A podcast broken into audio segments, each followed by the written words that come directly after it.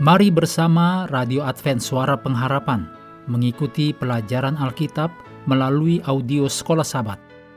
Selanjutnya kita masuk untuk pelajaran Minggu 28 Januari. Judulnya Hari-Hari Jahat.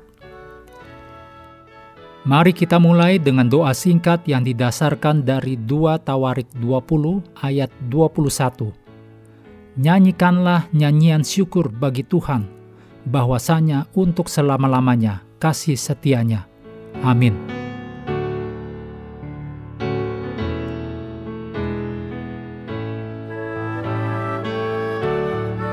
Dalam Mazmur 74 ayat 18 sampai 22 dan Mazmur 79 ayat 5 sampai 13 ada hal yang dipertaruhkan. Pemazmur berusaha untuk memahami pertentangan besar antara Tuhan dan kuasa kejahatan dan menunjuk pada kesabaran Allah yang tak terduga, serta kebijaksanaan dan kuasa Allah yang tak terbatas.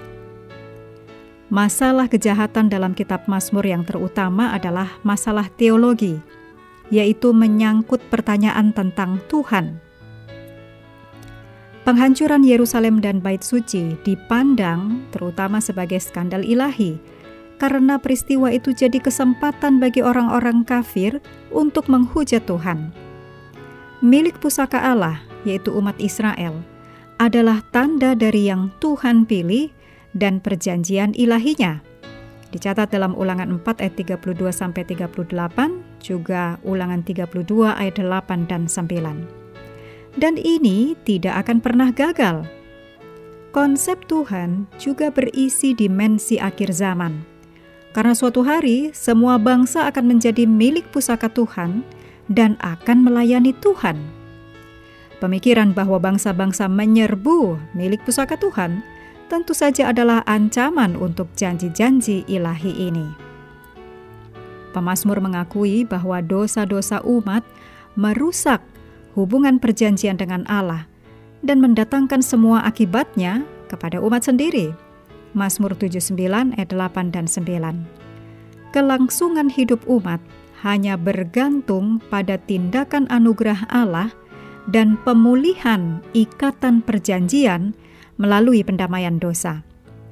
Tuhan adalah Allah penyelamat kami yang menyatakan kesetiaan Allah kepada janji-janji perjanjiannya. Mazmur 79 ayat 9.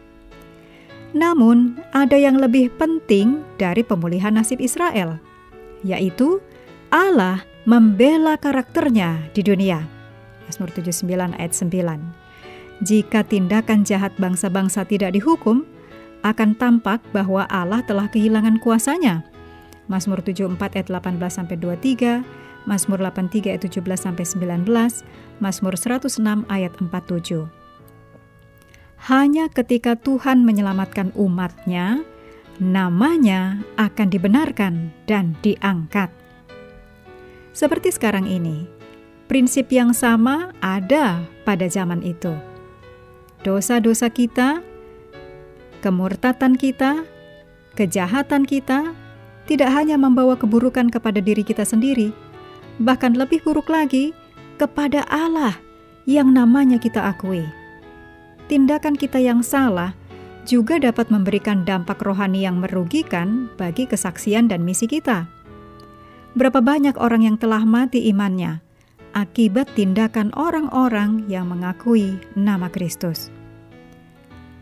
Dalam kutipan Alfa dan Omega jilid 6 halaman 314, Ellen White menuliskan, Kehormatan Allah, kehormatan Kristus, termasuk dalam kesempurnaan tabiat umatnya. Renungkan bagaimana Anda memahami kebenaran penting ini dan apa artinya dalam kehidupan Kristen Anda. Mengakhiri pelajaran hari ini, mari kembali ke ayat inti dalam Mazmur 137 ayat 4. Bagaimanakah kita menyanyikan nyanyian Tuhan di negeri asing?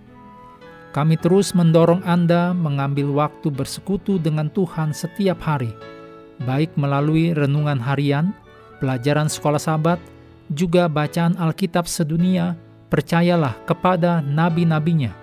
yang untuk hari ini melanjutkan dari Yesaya 66.